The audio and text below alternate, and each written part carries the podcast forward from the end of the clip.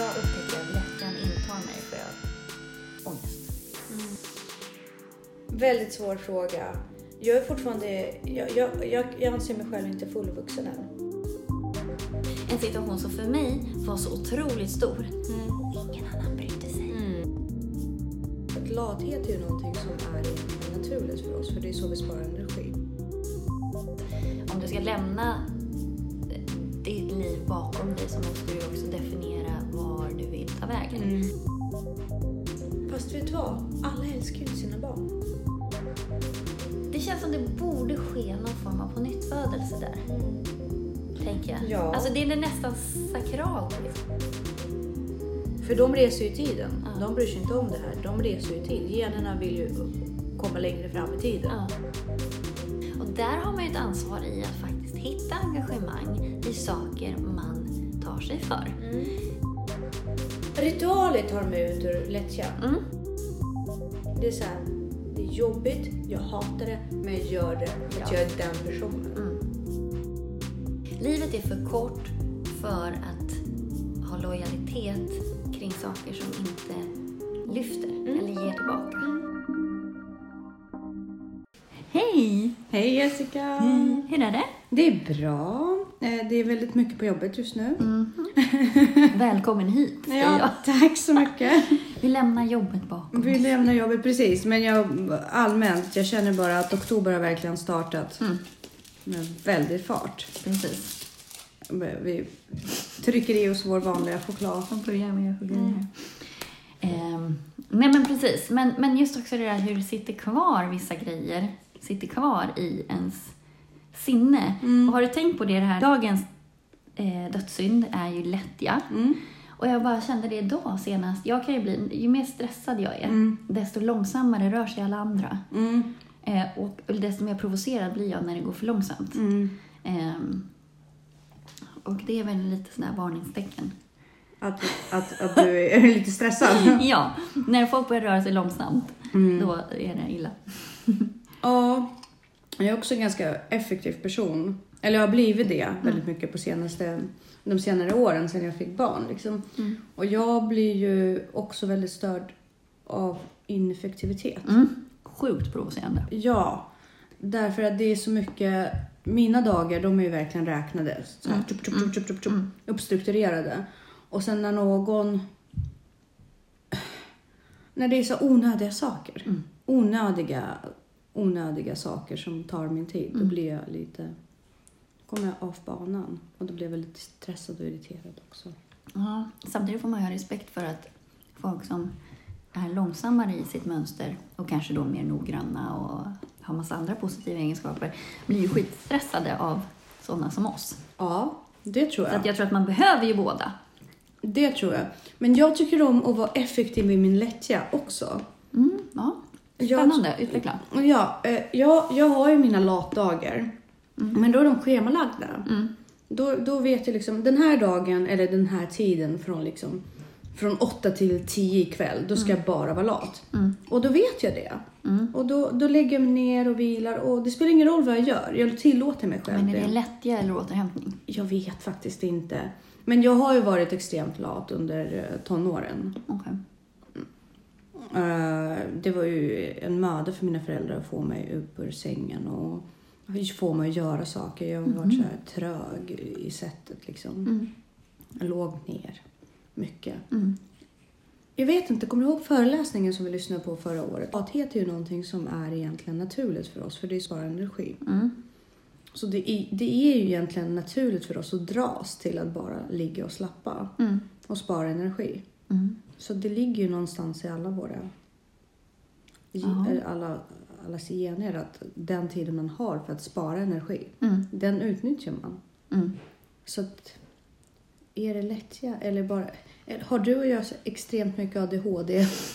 Ja, den frågan kan vi låta vara hängande tills Mm. vi har eh, sagt välkomna till dagens avsnitt av Ansvarspodden. Vi har kommit till avsnitt 37, va? Ja. Och den sista av eh, dödssynderna. Mm. Så på schemat står lättja Mm. och lite träning Mm. och lite allmänt välmående. Ja. Ser fram emot det.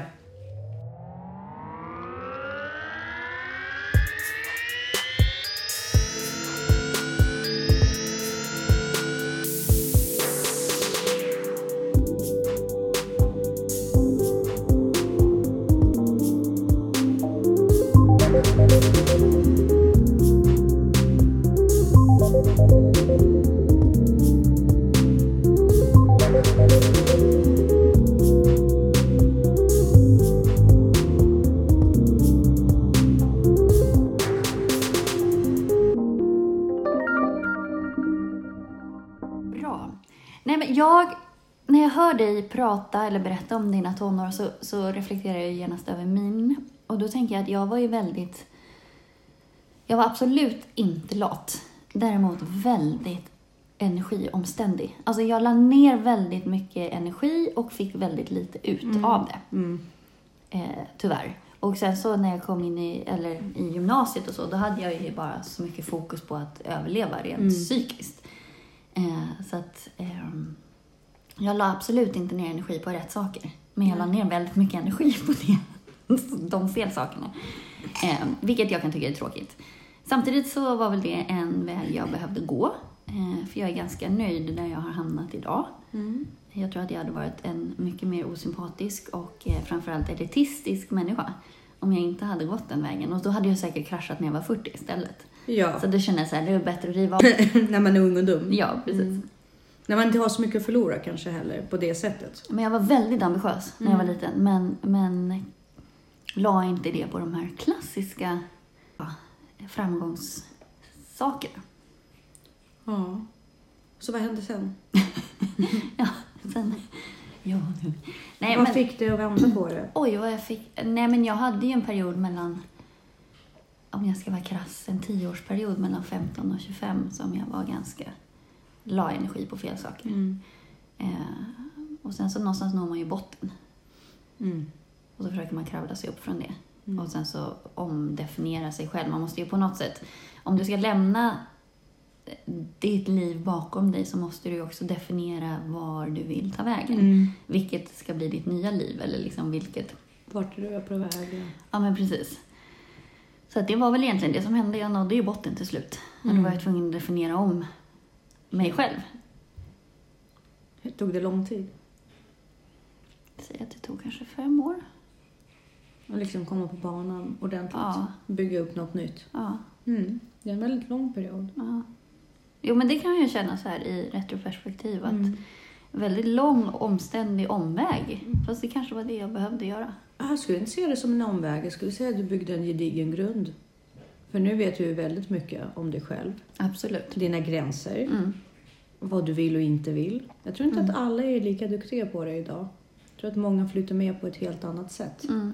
Vilket gör också att din målmedvetenhet Mm.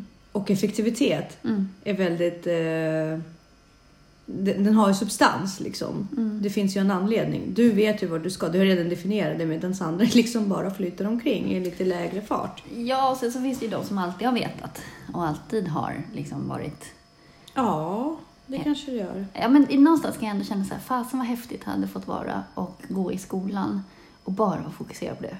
Alltså bara ta sig igenom det utan att distraheras av massa andra saker, utan att bara fokusera på att vara duktig, höll jag på att säga, men, Ja. men liksom fokusera på studierna och fokusera på det man gjorde där och då. För att skolan är ju, det är otroligt roligt att lära sig saker. Ja. Och där kan jag säga, jag har alltid pluggat. Jag satt och räknade hur mycket högskolepoäng jag har. Ja. Det är brutalt mycket. Ja. Eh, så att, eh, men jag hade kunnat, jag hade behövt, eller, det vet jag som sagt, jag hade ju varit en annan person då. Så att. Men, men ibland kan jag leka med tanken, så här, undrar hur det hade varit om jag hade haft rätt fokus på rätt ställe istället. Men jag tror Ja. att allting händer av en anledning. ja, absolut. Jag tror definitivt också att allting händer av en anledning. Jag tror att du lärde dig som sagt dina gränser Mm. väldigt bra. Mm. Och då kan du fokusera på saker på ett helt annat sätt. Målmedvetenheten tror jag hade inte varit lika stark som den är nu. Jag hade ju väldigt stark målmedvetenhet också, bara det att mina mål var ju väldigt destruktiva. Ja, men det är, det är, ja, precis. Men det är lite det jag menar också. Mm. Dina mål nu, Ja. de är så utkristalliserade Mm. på grund av den vägen du har gått. Absolut. Och Ja. sen så får man ju också sådär perspektiv på vad som verkligen är viktigt. Eller verkligen är viktigt för mig. Mm. Ja. På tal om lättja och Mm. eh, destruktivt tonår. Jag har en bekant Mm. som, eh, ja, vars dotter har på, har börjat gymnasiet, går naturlinjen och så Mm. hamnar hon i en jättedepression, slutat gå till skolan och de kan inte fastställa vad det är med henne. Nej. Och någonstans har jag och hon, den här kompisen då, diskuterat fram och tillbaka huruvida hon bara är lat. Men du vet, hon bara orkade inte en dag. Hon bara tyckte att gymnasiet var för svår. Hon bara la av. Men det är klart att så är inte fallet. Jag tror i grund och botten att det handlar om prestationsångest. Mm. Och hon mötte första motgångarna Mm. rent intellektuellt och Mm. insåg att hon var inte bäst. Nej. Nej, den är ju tuff. Ja, då tror jag att, för att hon har ju alltid varit lite bäst och hon Mm. visste ju att hon skulle klara gymnasiet och komma in Mm. på läkarlinjen och allt Mm. var liksom. Och första B fick ju henne att falla. Mm. För hon får inte ha några ben. Må, Mm. Ribban var ju satt Mm. på att inte ha några Mm. B. Mm. Vilket var dumt från början, Mm. att sätta ribban sådär. Och, så i och med att betygen eh, inte nådde toppen riktigt så blev, dalade hon mer och mer och nu ligger stackars ungen i sängen mestadels Mm. av tiden och orkar inte komma upp. Nej. Och det finns så, man, som vuxen känner man sig aldrig så hjälplös. Där är det superviktigt att skilja på prestation och person. Mm. Att du är fortfarande lika mycket värd även Mm. om du får ett B Mm. som när du fick ett A eller även om du Ja. får ett C. Att det har inte med saken att göra utan okej, nu behöver vi bara ändra strategin. Mm. Bara se det sakligt. Att okej, du fick ett B, vad beror det på? Mm. Vilka mål behöver du Mm. uppnå? Vilka förmågor behöver du träna på? Mm. Det har ingenting med dig att göra. Nej. Det har inte med liksom, prestation. Och hennes familj liksom. är ju väldigt duktiga på det. De har ju Mm. alltid sagt och du behöver inte ens sätta den ribban så Nej. högt. Du, du är så duktig i alla fall och du Mm. har så många möjligheter. Och skulle du nu vilja vara läkare i alla fall när du slutar så finns det andra sätt att gå på. Alltså, du skulle, Högskoleprov. högskoleprov, Ja. du kan plugga upp. Men hon har ju satt det i sitt huvud så hon förknippar ju det med att hon har misslyckats totalt som Mm. person. Mm. Och ja, den vägen tillbaka, alltså jag ser den framför mig för någonstans har jag varit du och jag på samma Mm. väg. Och Mm. jag, och jag sitter och tänker så här, jag önskar jag kunde bidra med något. Men Mm. allt jag säger till henne låter bara klyschigt i mina egna öron. Och jag kommer ihåg hur andra vuxna pratade med mig när jag var i den åldern. Och jag bara suckade och bara... Ja, men det jag tror man kan tänka på är att du kan aldrig tala om för henne hur det är eller att du Nej. ens vet hur det känns. Nej. Du kan bara prata utifrån dina perspektiv. Mm. Att så här kände jag, så här Mm. tänkte jag. Du kanske tänker annorlunda eller så tänker du så här. Eh, men just också när man är nere i det så är det ju svårt att på något sätt Mm. tänka rationellt. Det är det som Ja. är problemet. Ja, absolut. Det, det, det, det är också det som är väldigt komplicerat. Jag ser att hon inte tänker rationellt Mm. och jag förstår det. Mm. Och det är så svårt att nå henne på rätt sätt. Det Mm. blir sån himla, jag vet inte, har du sett Inception? Nej. Eh, med Leonardo DiCaprio. Det blir så många nivåer. Mm. Jag liksom förstår henne på alla nivåer. Är det den som handlar om att det är hon eller han? Att så här, vem är du egentligen? Ja, Ja. men eh, när de drömmer Ja. och sen sätter de in tankar, impl- Ja. impregneras tankar i varandras huvud och så förändras hela Coolt. deras perception av idag liksom. Eh, och jag förstår ju henne och samtidigt ser jag hur hon liksom inte är Mm. Där. Mm. Och jag ser när hon pratar med mig att liksom nu, nu nickar hon bara för att jag ska hålla käften. Ja, men Jag- man känner, ju... ja, hon, jag känner igen det så Mm. starkt och då blir man så här, vet du vad, strunt i det. Nej, nej, jag vill höra. Nej, men det är lugnt. Alltså det Ja. är verkligen lugnt. Det här handlar om dig. När Mm. du känner att du vill så finns jag här. Mm. Och det, åh gud vad jobbigt det är att få nå henne. Mm. Och få henne tillbaka. Mm. Och hon är dessutom vegan och det är faktiskt det enda som håller henne vid liv. Därför att hon känner att det är det enda hon lyckas med just nu. Ja.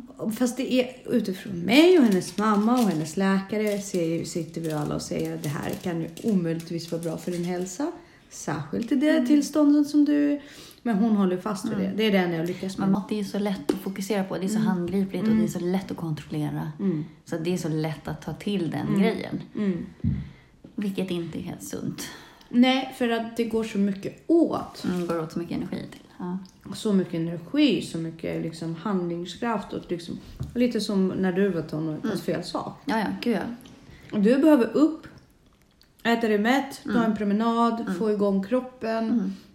Mm. Gud, jag kan inte fatta att jag säger de här sakerna. Nej, men att eh, släppa ut de negativa hormonerna, liksom, endorfinet, Mm. det liksom, Få mer oxytocin och serotonin och dopamin framför allt. syre, omsätt, syreomsättningen, Mm. bara rensa skallen, komma hem. Sov efteråt, absolut. Men då har du fått igång kroppen. Mm. Och hon bara sitter hemma och Mm.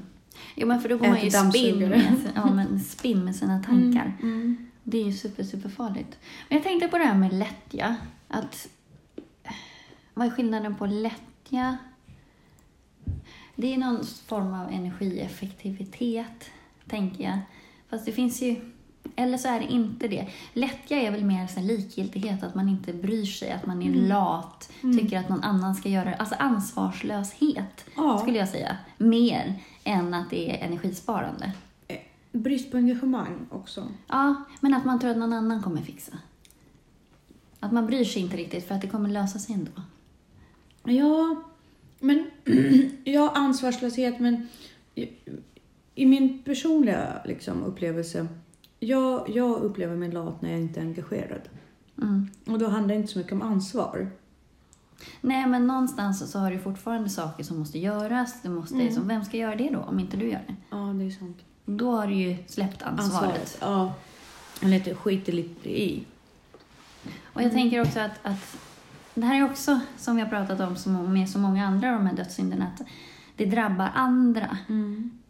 Alltså, just det där när man släpper ansvaret så kommer det drabba någon annan. Mm. Ja, för man ligger ju över. Ja, Det är som kafferummet på Ja. jobbet.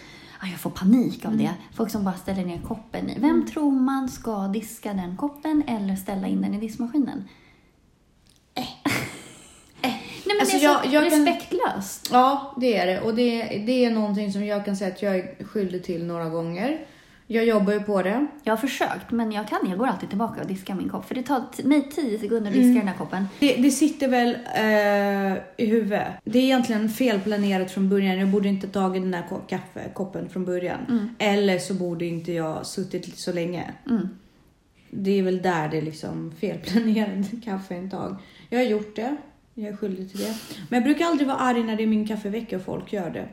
För jag känner att Nej, jag men- återbetalar min karma. Ja, Jag gör inte det så ofta. Jag har gjort det dagen, några gånger. liksom, För det vet jag också, den dagen diskmaskinen går sönder och din Mm. kollega får stå där och diska i två och en halv timme på fredag Mm. eftermiddag. Ja. Det har ju hänt. Mm. Och då känner jag så här, nej men jag kan inte ha det på mitt samvete. Nej. Sen så har vi ju det här, det här argumentet att folk diskar inte ordentligt. Nej men då tycker jag så här, då kan man för bara visa en god gest. Jag diskar min mugg och ställer jag den i diskstället. Mm. Och då vet man att de saker som står i diskstället, då, de ska ändå ner i diskmaskinen. Mm. Men då har man ändå visat Att man att jag tycker inte att du ska städa upp min skit. Nej. Jag tycker Ja. Det är mycket en respektgrej än Absolut. ren, Jag tror inte att liksom, folk tänker så att alla andra gör det. För att alla andra gör det. Det är en norm som är kanske inte accepterad men definitivt etablerad. Men hela tiden så här, hur vill vi ha det? Hur Ja. vill jag att Fast jag tror inte att alla sitter och tänker på det sättet hela tiden. Men å andra sidan, det är en sak. Jag kan ju prioritera bort att städa hemma, till exempel om jag ska ut och springa. Mm. Men det drabbar ju bara mig. Ja, ja. Och det drabbar i och för sig mina barn, men de bryr sig inte. Nej, det är skönt att barnen inte bryr sig faktiskt. Men jag, jag tror faktiskt att det är så att alla sitter inte och tänker så djupt på det. Jag vet, jag vet vilka med mina kollegor som Mm. skiter blankt i... De, liksom, de har inte ens de tankarna. Deras tankar går ju från att komma till jobbet och gå på kvällen. Fast vi uppfostrar ju barn på det här stället. Ja, det är exakt. Ja, det är Skolan sätter ju allting väldigt mycket mer perspektiv faktiskt. Vi är ju all... Det som gör vårt arbete enormt stressigt, det är att vi hela tiden är förebilder. Jo, men också vi skulle aldrig acceptera att en elev bara lämnade sin, sina grejer i matsalen och Men bara då gick. gör de det.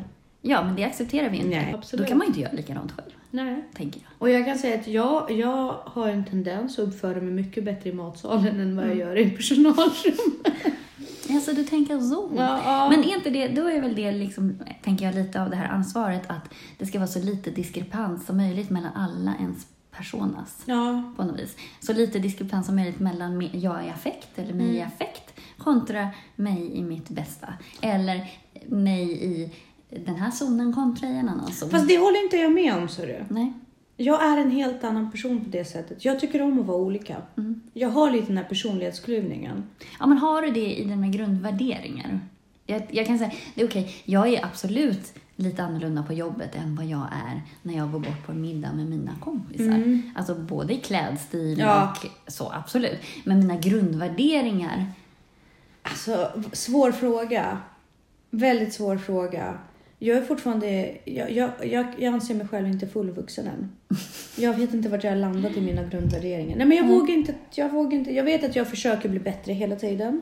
Ja. Och jag vet att jag försöker lära och ta in. Mm. Men, men jag tror att någonstans, när jag, jag kom till Sverige när jag var tio. Mm. Och ah, sju år Mm. gick åt Mm.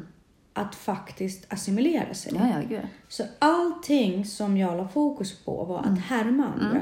Och inte en tanke har gått åt vad jag tycker om det. Nej.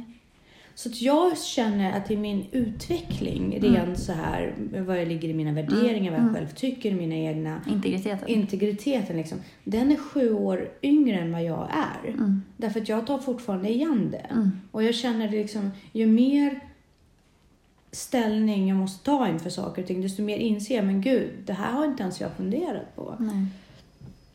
Så att jag tar fortfarande igen. Mm. Jag tror att det är också en av anledningarna till varför jag har så svårt att vara kvar på Lidingö, varför vi går i de här tankarna. Jag behöver nog lugn och ro. Mm. Och bara liksom i några år sitta och tänka så här, vad är det jag egentligen själv tycker? Mm. Jag behöver inte tänka så mycket som alla andra. Jag har redan lärt mig, jag vet.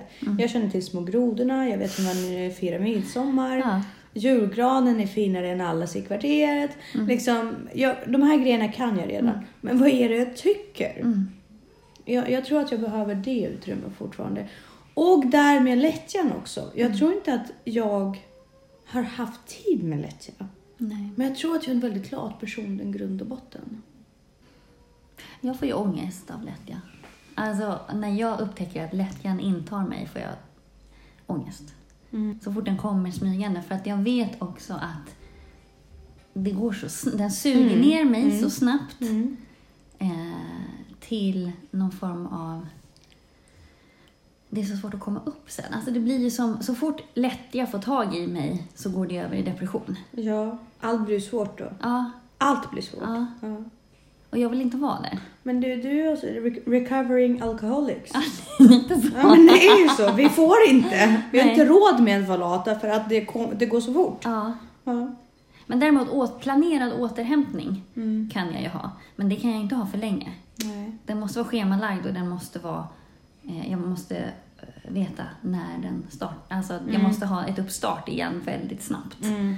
Men det där är ju också lite intressant att eh, Thomas av Aquino, eh, filosof, han var väl munk också tror jag. Eh, han, Just nu blinkar mina ögon bara så här plopp, plopp. Jag hoppas att inte märker att jag inte har någon aning om vad jag pratar om. han säger ju att lättja är en strategi att fly från sorger. Ja. Samtidigt som jag tänker att det är då sorg hugger tag i mig. Ja. När jag inte, alltså när jag stannar upp och när hjärnan inte är full, alltså Ja. sådär distraherad, det är då man börjar tänka alla de här. Och där tänkte jag också på det här, just det här, vad är det som driver människor till att begå självmord? Speciellt när man har barn. För jag vet att jag, liksom, samma sekund jag bestämde mig för att skaffa barn så var det också så här, men då vet du att det Mm. alternativet finns inte längre. Mm. Och det har jag ändå varit ganska så här, Mm. det finns inte. Nej. Och vad det är som driver en. Och absolut, man kan ju vara så ledsen. Och jag hade ju en period här för ganska nyligen när jag Mm. verkligen var riktigt, hade riktiga perioder av ångest. Mm. Eller vad skulle kunna driva mig till att inte stå ut i det här? Och då kom jag på, det behöver inte alls vara så för alla, men då kom jag på det här, det enda som skulle driva mig till att inte stå ut, för att egentligen skulle jag, jag skulle klara mig relativt bra om jag bara fick sitta i ett hörn, blunda Mm. och bara, bara vara i mig själv. Mm. Så vet man ju någonstans i sig själv, det här kommer ta slut. Mm. Det är, liksom, det är jobbigt och det är smärtsamt och så, men om, så länge jag befinner mig i det här undantagstillståndet, ingenting, Mm. så står jag ut. Mm. Då kan det pågå väldigt länge för jag någonstans går ur min egen kropp. Ja. Och då tänkte jag, det som skulle kunna driva mig där och då att faktiskt själv ta ett slut på det, är ju skammen gentemot andra. Att jag faktiskt sitter i det där hörnet. Så att, kan det vara så att det är skammen kring att du är så pacificerad eller så, och så deprimerad och så okapabel till någonting egentligen. Att det är det som driver en över. För att om man bara behövde hantera sig själv, ingen annan, Mm. Mm. då finns det ju egentligen ingen anledning att, att begå det där självmordet. Jo. Eller? Jo, fast det är då det blir så mycket enklare också. Alltså jag kan...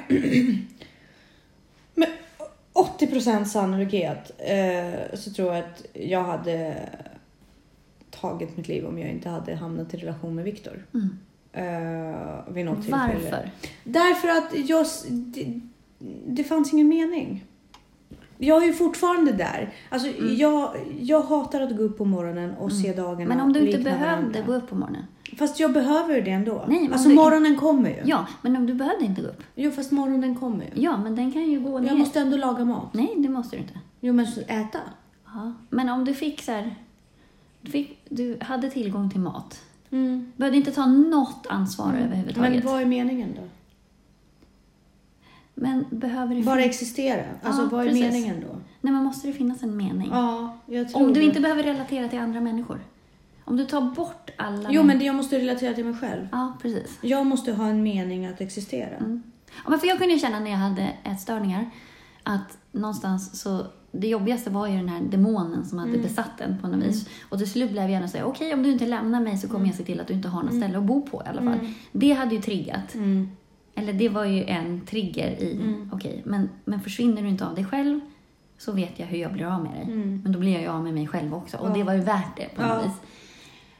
Men den tanken var ju också i skammen av att inte prestera och inte...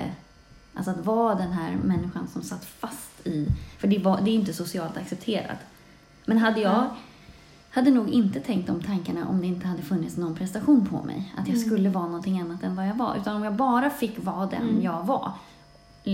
Deprimerad. Ja, Så. jag förstår. Då Och hade det jag var... ju till slut kanske gått under för att jag av ren näringsbrist. Mm. Men jag hade nog inte aktivt tänkt på självmord som en lösning. Däremot så kom ju den här ångesten när jag konfronterades med mat drev ju fram ja, Ja. att man, alltså den var ju så stark Ja. och den ville man ju inte ha. Och för att bli av med den så var man ju tvungen att avsluta det på något sätt. Ja. Nej, men jag bara, det här var bara en Ja, tanke som förstår, slog mig. Liksom. Ja, jag, jag fattar hur du tänker. Det är Men om jag väldigt inte hade behövt gå upp på morgonen, Mm. jag hade inte behövt konfronteras med andra människor. Jag hade bara kunnat bli lämnad i fred, Mm. sitta i ett hörn Och bara vara. och bara vara. Mm. Någonstans händer det något när du sitter i det där hörnet. Det måste hända någonting, tänker jag. När du har suttit där och bara gått ur dig själv och det känns som det borde ske någon form av pånyttfödelse där, Mm. tänker jag. Ja. Alltså det är nästan sakralt liksom på något vis. Att, Ja, ja, det är ju meditativt om inte annat. Ja. Alltså när du blir, när du blir berövad stimuli så, så kommer du Ja, in jag i tänker en lite i meditation. Siddhartha Gautama, Ja, men precis. Absolut. Och jag, Buddha. Jag tror definitivt att det ligger För då får du perspektiv. Ja. Du måste få perspektiv. Och sen så rent, alltså du tröttnar. Alltså du Ja, blir så precis. Du ostimulerad. tröttnar på ja, det. Du, du, du blir så ostimulerad. Det är inte så någonting, Nej precis, någonting gör ju så här att, nej men vad fan håller jag på Ja, med? för det kan jag känna när Ja. jag går in i de här Mm. depressionerna eller den här rena ångesten. Mm. Om jag bara får vara. Om jag bara går ur allting annat och går in i det här meditativa Mm. och bara får vara där. Mm. Till slut tar tårarna slut. Mm. Till slut, allting tar slut. Till slut är du helt dränerad. Och på något sätt så bara tittar du upp och så bara, Mm. herregud. Alltså du vaknar till Ja. liv på något vis. Ja. För att du är ju i någon form av delirium när du går in i, när du mår så dåligt. Ångesten och det gör en ju lite världsfrånvänt ja. och förvirrad och så. Och sen när du bara får ut Nej, men jag, jag har tänkt väldigt mycket på det där, vad det är som driver en till att begå ett självmord. För mig var det liksom meningslösheten. Jo, men när man har barn. Ja, nej, alltså jag. nu vet jag ju att jag inte Ja. skulle. Det är fortfarande, de, det, det är För nog, den, den frågan intresserar mig väl, när du har barn. det, jag tror, alltså jag, jag, ja, då måste det vara något kemiskt, eh, det måste vara go, alltså det måste handla om mycket mer än och mitt bara enda svar depression. var skammen. Skammen. Ja, det är väl om du har felat ditt barn i så fall. Nej, men skammen över att du inte är kapabel. Skammen över att du mår så här dåligt. Skammen över att du inte ser någon väg ut. Skammen över att du inte kan gå till jobbet. Skammen över att du inte klarar av vardagen. Skammen över att inte lyckas. Och vad är lyckas? Fast vet du vad? Alla älskar ju inte sina barn. och vi pratar inte om det ganska mycket. Men jag har ju faktiskt, eh, när jag var i min eh, postgraviditet, postförlossning, depression som gick senare till en djupare Mm. depression och sådär. Så läste jag ganska mycket på forum och väldigt många mammor anonymt skrev Mm. så här. Jag kan inte knyta an till min unge. Men jag, betyder det att man inte älskar den? Ja. Och där är också intressant, vad betyder älska? Ja. Alltså älska för en person är inte älska för en annan. Man kanske älskar så mycket som man är kapabel till. Ja, men du kan inte precis. jämföra ditt älska med mitt älska. Nej, för jag har alltid känt när Elisabeth kom, jag hade inte de här fjärilar i magen, gussegos, jag hade inte det. nej, det hade inte Men hon var min lem. Ja. Alltså hon var min arm, hon var mitt ben, Ja. hon var en del av min kropp. Ja. Och för mig var det lika, alltså tanken var lika absurt att inte vara med henne som att bli av med min hand. Mm. Eh, eller, eller, eller att inte gottgöra henne på något sätt eller se till att hon mår bra lika Mm. mycket som att jag ju skulle kärlek. göra med mitt ben. Men jag kände inte så här, åh min lilla hjärta, du vet alla Men man kanske inte blir kär. pumpande känslorna som jag känner många mammor bara, jag vill lukta på min bebis och liksom sådär. Fast det är ju att vara kär mer än att älska. Ja, kanske. Jag vet inte. Jag har inte definierat Alltså det. älska Men jag- Mm. är ju ovillkorligt och det är ju att Men den här ju- individen är en del av dig. Ja, men precis. För mig är det, sitter det djupare. Det är Ja. inte så känslomässigt. Nej. Det är mer tillstånd. Ja. Så du är en del av mig. Ja. Jag tar hand om dig för att du är en del av mig. Sen precis. behöver det inte innebära så mycket känslor och pussy puss och gulligull. Men det fanns ju mammor, väldigt många mammor. Nu vet inte jag liksom, Mm. Nej, det är ju nej. de som drogs till de Ja. forum, så jag vet inte hur många av dem är ute i samhälle och eh, statistiskt där. Som sa så här, men jag har ingen anknytning till det här barnet. Alltså det är ett barn som Mm. jag födde som jag förväntas att älska. Jag känner inte det, de bara ligger där. Jag förväntas att ta Men är hand inte om det att man det. kanske har gått in i det också och, och har förväntat sig att känna massor?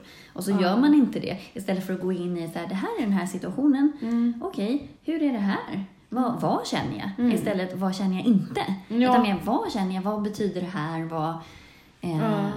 För att någonstans, men det är klart också, hamnar du i en posttraumatisk stress, Mm. då, då är det klart du inte känner så mycket. Men jag tänker så här, bara för att man inte, det är väldigt många, upplever jag, som går in i det här och tror att det är rosenrött och eh, bomull. Och så Mm. är det inte det. Och sen så får man världens, det blir som ett trauma bara Ja. det. Istället Ja. för att bara, okej, nu har jag fött ett barn här. Eh, Det var ju en väldigt märklig, bara det är ju ett fysiskt övergrepp och en traumatisk krigssituation. Typ. Bara den, liksom, det är ju, att utsätta sin kropp för det, bara det är ju ett Ja. supertrauma. Och visst förbereds man så jävla så lite på det. dåligt ja, på det. Verkligen. Det är ju ingen som går in, alla är så här, det är så naturligt, det är så underbart, hej Hugo. Det är så naturligt, det är så underbart, det är det Ja. mest naturliga som kan hända. Dina hormoner kommer göra Ja, och bara jobbet. där blir det ju fel. Det är luren bedrägeri. Ja, att man vet inte hur du kommer reagera. Det kommer, och just också det här att det gör skitont. Mm. Var beredd på det. Mm. Och du kommer klara det, förhoppningsvis. Och gör du det inte får du hjälp. Mm. Men det, du är har aldrig känt, det nej, men du har aldrig känt sån smärta. Mm.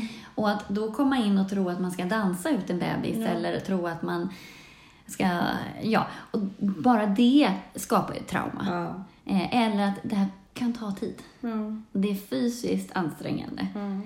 Ehm, så att absolut, är man dåligt förberedd och om man då har gått in med en viss bild av hur det ska vara istället för att gå in med, okej jag har satt mig in exakt rent fysiskt Mm. vad, eller fysiologiskt vad som händer under en förlossning och när bebisen passerar det här spinalutskottet så är det vanligt att man kräks, då behöver jag inte vara rädd för det. Eller liksom att man sätter sig in i alla delar så att man är med. Sen kan man inte säga hur man ska reagera eller hur det ska vara. Utan det är mer så här, man måste gå in i det väldigt förutsättningslöst och vara så förberedd man kan på de rent fysiologiska Men det är ju skeendena. så jäkla svårt för att det enda som finns på de här forumen, mammor och gravidtidningar, Ja, det är alla saker som man ska köpa. Ja, nej. Och herregud, spjälsäng och ja, vaggor och Mm. vilket, vad är det för barnvagn man ska, alltså det är så art, kilometer Mm. artiklar av barnvagnar. Det var det sista jag tänkte på. Mm. Jag kunde skjutsa runt henne i en skottkärra. Ja. Jag brydde mig inte alls Nej. om det när det väl kom. Han sket fullständigt om jag hade någon muff på min, på min eh, vagnhållare eller inte när hon väl kom. Nej. Men innan hon kom så var det det viktigaste som var att det fanns en flaskhållare, att det fanns Mm. skötväskan. För det finns så lite att koncentrera sig på då. Vi vet ju ingenting. Nej. Och då fyller vi ut den här ovetande. Men jag tänker mer så här, vad vill jag? Hur vill jag att det ska vara när bebisen ska komma? Okej, jag vill kunna springa. Ja, då måste jag ha en vagn som fixar det. Jag vill inte ha massa babysaker. Nej. För att det är opraktiskt och de har man bara en kort period. Så, så lite saker som möjligt. Så jag, jag tror jag hade en vagn och vi hade en säng. Det var ju dumt för den använde vi typ aldrig. Mm. det var ju typ det. Och så lite blöjor, några nappflaskor. Jag visste att jag skulle behöva pumpa eftersom jag skulle börja jobba på en Mm. gång. Ehm, I alla fall med min första. Ehm, Men det var typ det. Jag läste inget. Men jag är ju ganska så här, i och för sig kanske till och med, det är dumt att vara det, men jag är så otroligt säker i vad jag vill, hur jag vill ha det och jag struntar fullständigt i vad alla andra tycker. Där har väl vattumannen i mig som snarare, om alla gör på ett visst sätt, då vägrar jag göra det. Så att jag är lite så här muppig och eh, tonårsanarkistisk på det sättet. Ja. Fast. På ett sätt, alltså ja, det, det var ju därför jag inte läste allt det här, för allt handlar om de här sakerna. Jag, jag fick eh, min vagn av en gammal kund eh, som eh, var jättegullig. Så, men det, det, i och med det så förberedde jag mig inte heller på den andra, för jag tänkte så här, föda barn är naturligt, vad fan Nej. kan hända? Jag är ju så här Nej, kroppslig. ja, nej, det jag var inte- förberedde mig på alla sådana, så här, vad kommer hända med min kropp? Nej. Vad kommer, där var jag så här nitisk. Nej, jag var absolut oförberedd. Jag gick till min barnmorska och hon sa se och se och så. Mm. Och så sket jag totalt i det och alla var så här, du borde inte äta mögelost. Och jag var så här, men snälla. Mm. Folk födde barn på 1700-talet, de sket fullständigt i vad de Lite äter. högre barnadödlighet. Ja, men man kan inte väl... Jag har aldrig hört att folk dör, barn dör av att man äter mögelost. Nej. Liksom, det är så dumma saker. Ja. Så jag åt det jag var sugen Ja. på. Jag rökte inte i och för sig. Nej. Jag var väldigt duktig där och slutade röka. Liksom. Ja, för det finns ju forskning som visar. Ja, men själv, nej, men någon sunt förnuft måste man ju ha. Liksom, och, eh, jag, jag dricker ju inte och drack inte då heller, så det, det var jag väldigt sådär noggrann Mm. med. Men, men sen var jag såhär, ah, vi har gjort det här i alla Mm. år. Jag menar, det är en helt naturlig grej för oss. Vi föds, vi föder. Mm. Så att jag gick in helt förutsättningslöst, men, men någonstans så ville jag ha flera barn. Mm. Och då ville jag ju att jag skulle vara så där frälst i det när det kom. Mm. Men hela den processen och all det här obehagliga och att jag inte fick sova Mm. och alla känslor som inte kom, för- jag tror på grund av trötthet, Mm. gjorde ju att jag, för att anknyta an det Mm. till lathet också, blev dessutom, när hon kom så blev jag också extremt lat. Alltså Mm. jag brydde mig inte om någonting. Ja, fast är inte det, låter ju mer som du hamnar i en, en depression. Allt Alltså, så en meningslöst. Ja, precis. Och det är väl också rätt naturligt. Du, du är med om en grej som för dig Mm. är nog det absolut största som händer. Det hade jag en konflikt i. Här satt jag i en situation som för mig var så otroligt stor och ingen annan brydde sig. Mm. För det betyder ingenting för någon annan. Och den, det har jag aldrig varit med om. Mm. Att uppleva, sitta i någonting som är så otroligt stort och viktigt för mig och ingen jävel bryr sig. Ja, det var också... Den konflikten var lite så här, oj. Mm. Men där är också intressant, eh, just för att återgå till det här med lättja. Att Cassianius, han, han beskriver ju ofta eh, att lättja kommer liksom i ledans släptåg. Alltså att lättja då med så dåligt lynne, tröghet, att man blir så trött och så här, ja, men lite så här, man hittar fel på, hos andra. Eh, att man är orolig och sådär. Att det står i vägen för att man ska bli entusiastisk och det är exakt det du sa. Eh, att, eller ens berörd. Mm. Eh, och ja, definitionen här av lättja är ju, alltså allting töms på mening. Så att man kan ju nästan, alltså mening och innehåll och så, så man skulle ju nästan, lättja, är inte det egentligen att man har drabbats av en liten depression? Jo. Tänker jag. Jo. Och i och med att depression är så bekant för mig Ja, så går den hand i hand Ja. liksom med, med lättja. och det är därför jag är så rädd för lättja. Mm. Och Jag med. Och det är därför jag aldrig slutar snurra. Ja. Och när jag väljer, eller när jag låter mig själv återhämta Ja. sig, nu gör jag citationstecken igen, är min, min grej på podden. Då, då måste jag ha ett avslut på det. Mm. Jag måste veta exakt den tiden när jag måste sluta vara lat. För att annars kommer Ja, jag inte kommer inte upp igång. igen. Men jag tänker också i dagens samhälle med de här snabba kickarna Mm. och skärmar och det ska, allting ska vara så roligt hela tiden och sådär. Har inte lätt ändå hittat en ny väg in? Att vi är så vana vid att hela tiden vara superöverspeedade, Mm. om man tittar på barn framför allt. Så att så fort det blir inte superkul Mm. och de får liksom ett dopaminfall Mm. och har svårt att ha motor och drivas igång. Jag ser det väldigt tydligt på Elisabeth nu. Mm. Nu när hon... Nu har hon varit uh, skärmfri Mm. i princip till 100%. Mm. Oj. TV får hon titta på lite på helger Ja. I två veckor. Mm. Jag ser ju hur, hon har, hur hennes kreativitet har ökat hemma. Det är ju fantastiskt. Ja, men det om man tänker så här, när vi var små, att fråga en vuxen vad man skulle göra. alltså då fråga mamma. Skratta rakt, hög, liksom men alltså- rakt ut. Fråga en sån gammal dinosaurie, vad hade, skulle de komma med? Ja, Det var ju... ja, men inte bara det. Min mamma skulle, hon skulle säga att jag har så mycket Ja. Viktiga Ja. saker som jag håller på med. Ja. Vad gör du här? Eller hur? Bara njut av vad du slipper. Eller ja, men du, hon skulle så förlöjliga mig i det. Ja. Det, är, det är inte klokt vad det har förändrats och hur vi måste liksom approacha barnen på, en helt annat, på ett helt annat sätt nu. Men är det därför, tänker jag, det är så obehagligt att vara, att känna den här meningslösheten?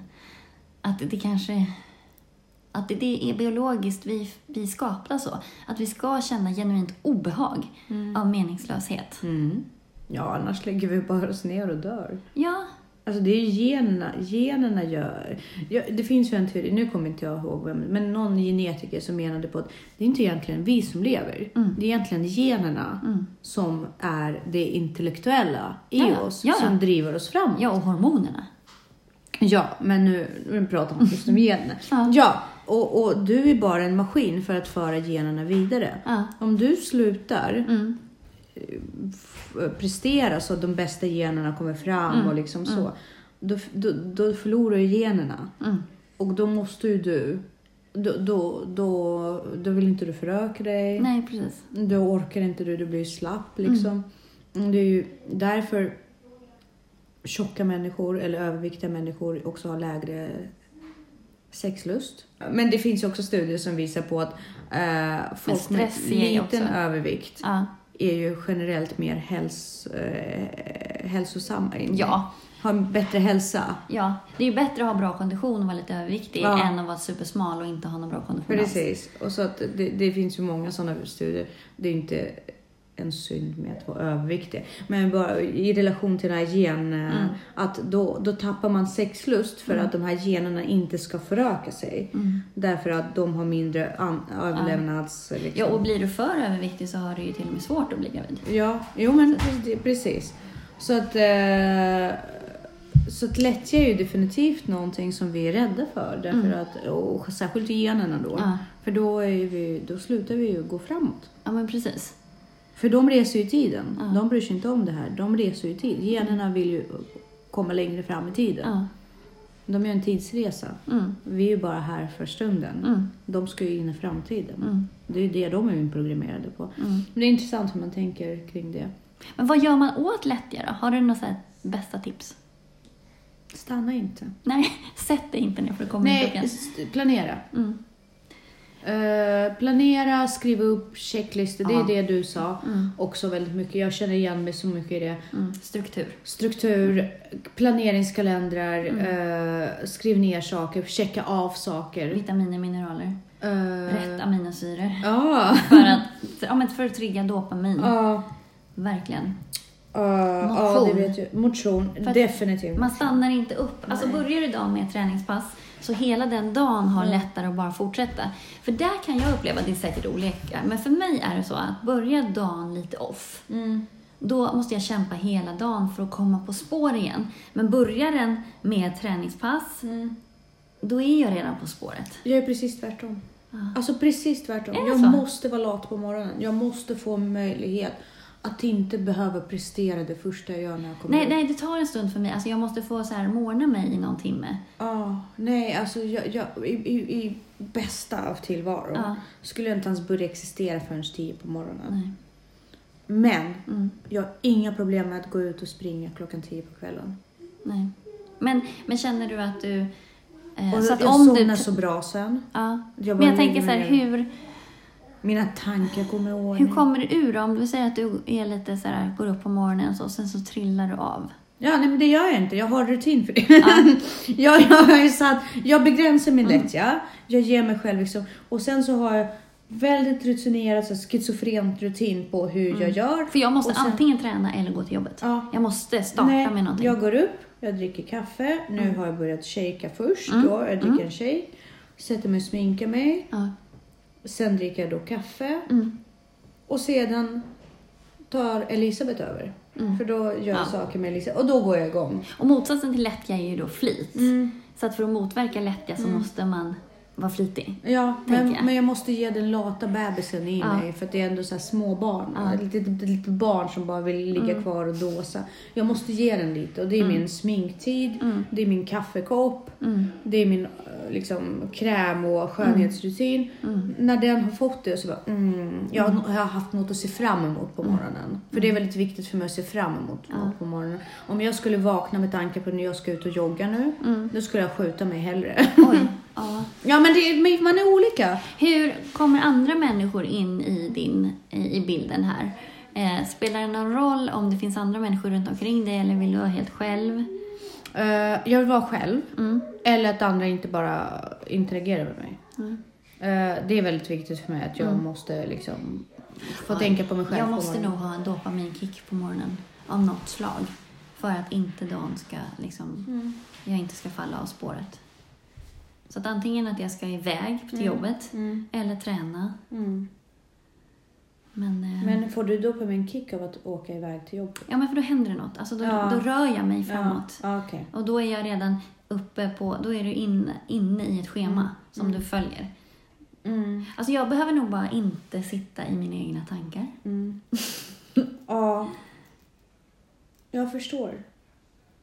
För, för, för mig blir det så mycket enklare att när jag avklarat vissa delar och kommit igång, Mm. då lägger jag på träningen. Till exempel nu hade jag inte, nu slut, jag slutade tidigt idag. Mm. Jag kom hem och satte på mig mina joggingskor och så sprang jag ut och sprang de jobbigaste sju kilometer jag någonsin har haft. Jag vet, det var så himla jobbigt för mig idag. Jag vet Mm. inte vad det Ibland var. är det det. Ofta Alltså är det det var så motigt, det var så fruktansvärt jobbigt. Mm. Och jag, jag tror att det här var bland de jobbigaste rundor jag tog. Men jag är glad att jag tog hem den. Mm. Till slut var det bara så här, bara avsluta det. det Mm. Tiden spelar ingen roll. Nej, gud. Distansen spelar ingen roll. Nej. Bara, bara se till att avsluta. Så jag gjorde det. Mm. Men jag hade aldrig klarat av det på morgonen. För att bara veta att efter den här prestationen att behöva ta hem en arbetsdag. Mm.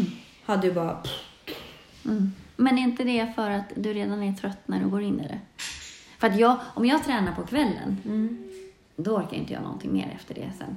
Men när jag gör det på morgonen så får jag liksom då, och så äter jag, för jag, har en, jag är väldigt så här rutin. Mm. Tränar jag på morgonen, då måste jag ha möjlighet också att sitta och äta frukost i en timme efter det och ha min liksom så här cool down. Så. När går du upp människa? Jo, men då gick jag ju upp fem. Ja jag just gör det. inte det det, ju längre. så. Ja men precis så var det. Ja. Men på helgerna är också så här, jag vill vakna långsamt så att Mm. Ja. kroppen inte är stel. Ja. Sen så gå ut och springa. Så jag är ju typ, alltså den processen, träning och frukost på helger, Mm. det kan ta tre, fyra timmar för mig. Mm. För att den är så lång. Ritualer tar mig ut ur lättja. Mm. Ritualer är ett sätt för mig att skydda mig från Mm. lättja. Mm. Ju mer ritualer jag har Mm. i mitt liv, Mm. desto stabilare står jag på Ja. min grund. Ja, för då det har jag så mycket kontroll. Sen brukar jag tänka på det här, det blir inte lättare sen. Det Nej. blir bara sen. Ja, precis. Men jag tänker inte på det. Jag tänker på att allting måste vara omgiven av ritualer som ger mig lite små puffar här och Mm, där. Precis. Till exempel, min dag är ju upplagt för att jag inte ska lägga av med entusiasmen under Mm. dagen. För det är ju väldigt många moment Mm, som, Verkligen. som pedagog där du måste, alltså du måste vara entusiastisk. Du Mm. måste gå in med hela hjärtat. För annars är det så meningslöst att vara en pedagog. Mm. Du, varje gång du är på golvet bland barnen Mm. måste du leverera. Du måste inspirera. Du måste Och det inspirera. måste ju jag i, som PT. Ja, och, så att man självklart. ger ju väldigt mycket du kan inte ha en dålig dag när du Nej. jobbar med människor. Absolut inte. Eller, och de får i alla fall inte märka det Nej. i så fall. Så mycket handlar om att under dagen ge mig puffar. Ja. Min första kaffekopp på jobbet är en puff. Mm. Första lektionen ser jag fram emot min första kaffekopp. Liksom. Mm. Men lättja heter ju på latin heter ju acedia, Mm. tänkte jag på. Och det betyder ju frånvaron av att bry sig. Mm. Meningslöshet. Ja, fast saker kan ju, det kan ju pågå väldigt mycket menings, meningsfyllda saker runt omkring en fast man inte bryr sig. Mm, men det är meningslöshet för Engagemanget. mig. Ja, men precis. Och där har man ju ett ansvar i att faktiskt hitta engagemang i saker man tar sig för. Mm. Eh, och det har vi också pratat om, det här att gör inte saker som du inte kan motivera och se till att du kan motivera det du gör. Mm. För du kan inte sitta och göra saker och vara oengagerad. Och klaga på att ditt liv är tråkigt. Om du sitter och skiter ner på ditt eget liv och säger jag är så engagerad. Då måste du en, banne mig ta ansvaret för att förändra det. Ja, eller att Byt mitt jobb, jobb. är tråkigt. Eller Nej det men byt jobb! Ja. Sitt inte och klaga eller håll käften. Mm. Förlåt att jag är så himla, men det Nej, är lite så jag Det känner. är ju att ta ansvar. Ja, antingen så byter du jobb eller så håller du käften för att du ska alltid prestera och göra det du, kan, du, du kan. Gör ditt bästa. Eller så gör inte du Nej, det. precis. Du kan inte lägga ner halvdan energi. Nej, varför? Nej, det har blir mer, lite mer meningslöst. Ja. Nej, men alltså, det, Ja, men livet är för kort för att inte vara engagerad, lägga ner halvdan energi, vara i dåliga relationer. Mm. Vara, alltså, livet är för kort för att ha lojalitet kring saker som inte lyfter eller ger tillbaka. Mm. Tänker jag. Och sen kan man ha...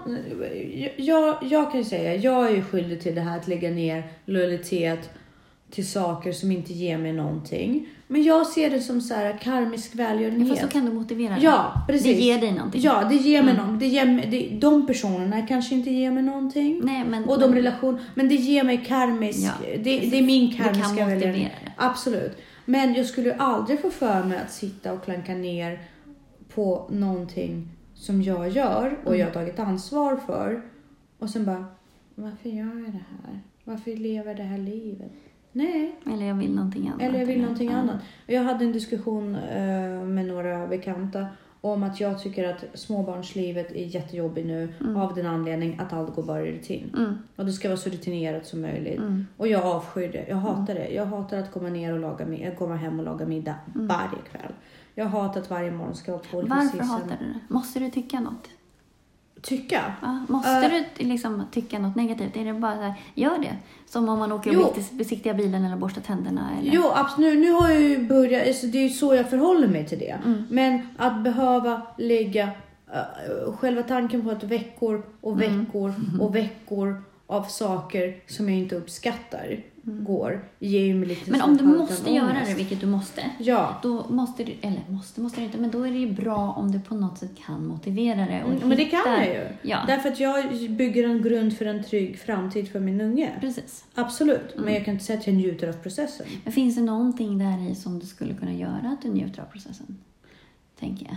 För man kan ju, psyket är ju så lätt manipulerat. Ja. Så att man kan ju, Jo, men alltså man, man, man gör lite små... Vi har liksom... Vi, vi spelar lite spel på onsdag, det bryter ner Ja. veckan till Mm. gör en liten... Men det är ritualer. ja. Alltså det, det, det är så jag räddar min, Ja. min, eh, mitt psyke från För att att gå går man in i de här existentiella, stora, Mm. filosofiska, då är man ju körd. Ja, men det är ju det, jag, det, är det som bryter ner mig. Ja. Jag hamnar ju i de sakerna Ja, hela och tiden. det får man inte göra. Så fort de kommer, Ja. då är det bara hopp, hopp, hopp, hopp, hopp. Fokusera på det här oväsentliga, Spelkväll, lilla. spelkväll!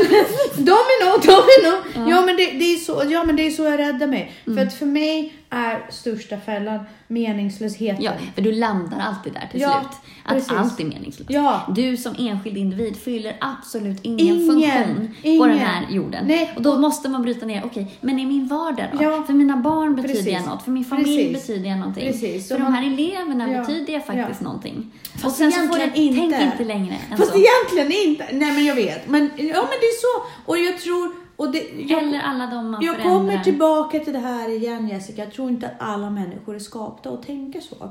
Jag tror att det finns människor som är, tack och lov, gud vad roligt för dem, är befriade från de här fällor. Ja, Det tänkte jag på när jag var liten. Jag bara, nu är jag blond så jag får säga det. Ja. Gud vad härligt att bara vara en sån här blond Ja. som bara går runt och ler och inte bryr sig. Ja. För att jag, det åt ju upp mig Ja. när jag var liten, Ja. eller i tonåren. Att där, känna så mycket, reflektera Ja. så mycket, ifrågasätta så mycket, Och vilja förändra så mycket. Nedsedd på för att man ifrågasätter så mycket och var den här jobbiga personen som man bara inte kunde ha Vad ska du roligt. känna nu igen? Ja men alltså, sluta bara, åh! Lägg av liksom. Ja, och det är det. Och Mm. tyvärr, inte familj, inte barn, inte... Jag, jag vågar inte säga all, ingenting för jag har inte testat allting. Mm. Men ingenting hittills har ju fått mig att släppa de här existentiella tankarna. Nej. Jag landar fortfarande i att jag inte ens är en kugge, jag är en fis i rymden. Mm. Men jag tror att jag har landat i det. Alltså jag vilar, jag, ja det är så. Mm. Men då får jag, det är inte meningen att jag ska vara där uppe heller. Utan jag får Nej, bryta ner ja. det till meningen den här timmen, Mm. meningen i det här rummet. Ritualer. Ja, och skapa mening. Ja, jo men så är det. Ja, men det är så. Men, det, det, men lättja gör ju att man släpper kontrollen, strukturen, Mm. ritualerna Mm. och så hamnar man just där. Mm. Och då vill man bara stänga av ljuset. Jag tänker på det här också innan vi avslutar. Eh, din träning. Ja. Hur kommer lättjan in där? Känner du att du på något sätt... För jag vet att i början, du har pratat om att vissa saker som du i början sa att det här kommer jag aldrig göra, som du ändå har börjat göra nu. Ja. Eh, känner du på något sätt att, att den fysiska aktiviteten påverkar lättjan? Eh, den påverkar inte lättjan, Nej. Men det bygger min integritet. Mm. Därför att... Jag tänker motståndskraft mot lättjan. Lite det här med skärp Ja, dig. ja, men, att du är ja, tåligare. Eller att du är mer... jag är vädur. Ja, Som jag går in för någonting, ja men då gör du då gör jag ju det. Ja. Liksom, så är det bara. Mm. Jag gör inte saker halvdant. Nej, Jag antingen inte gör dem alls, nej. eller så gör jag dem till 120 procent. Ja. Jag kan inte påstå att jag har gått in i träning till 120 procent liksom Nej. prestationsmässigt. Men psykiskt är jag ju där. Mm, och, det är ju det som är huvudgrejen. För Ja. är det tvärtom så håller det inte. Nej. Och maten är, är jag sämre på än vad jag är med träningen. Men maten har jag blivit bättre på generellt. Mm. Ja. Så att jag lägger mer fokus på att skapa en rutin i mitt liv för träning. Mm. Och jag tänker inte kring det. Nej. Jag bara gör. Mm. Det är liksom som middagen. Ja. Och det är där du måste hamna för att få en hållbar... Ja, jag tänker inte om jag tycker om det eller inte. Utan jag tänker så här, jag måste hitta en lucka för att göra det. Mm. Inga åsikter. Nej, den bara gör. Luckan ska in. Mm. Men då har du hittat nyckeln. Ja, För det är det som är grejen. Ja, och det funkar så länge. Och som sagt, jag började med eh, 4,5 kilometer Mm. när vi startade. Mindre till och med. Jag tror att min första löprunda innan jag började med Runkeeper var runt 3,5 kilometer. Mm. Eller något sånt. Det är så, så mycket jag orkade. Nu är jag uppe i 7,5. Mm.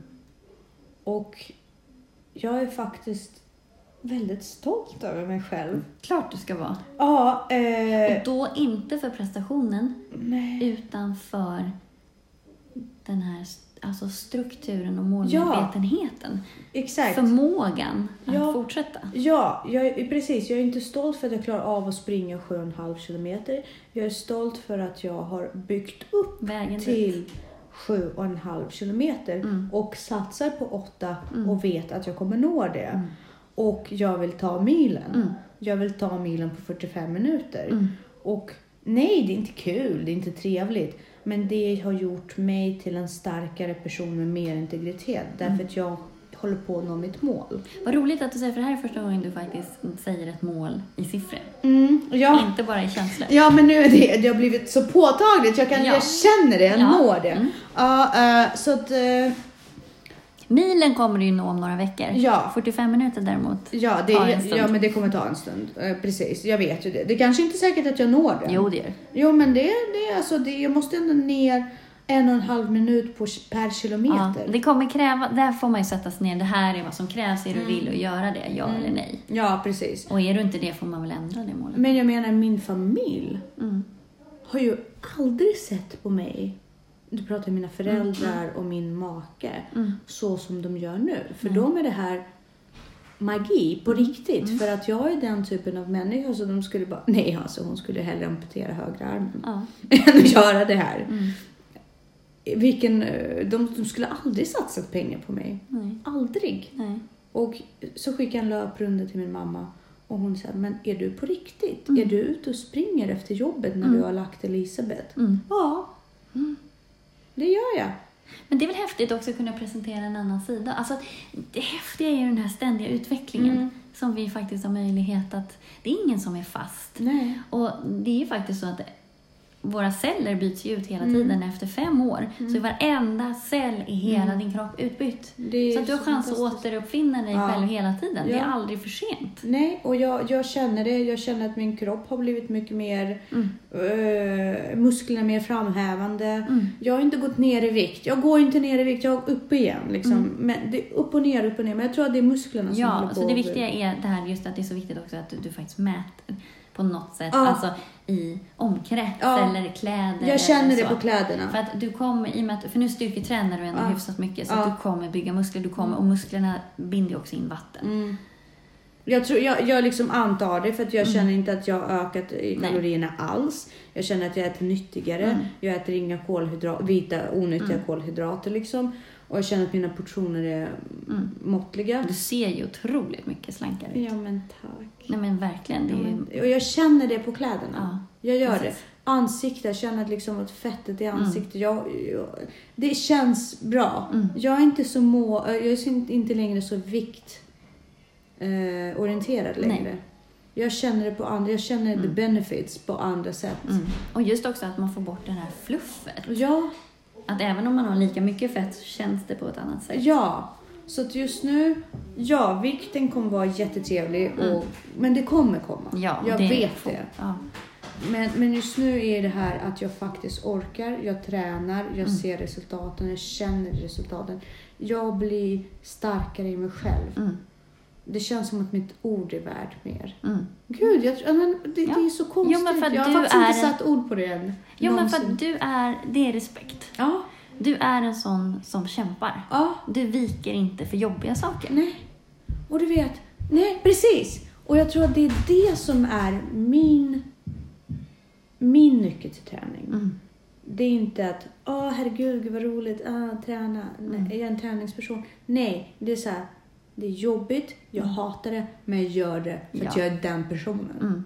Det är väl Precis. där, det är det så här, tough bitch. Ja, precis. Ja, men lite Mm. så. Mm.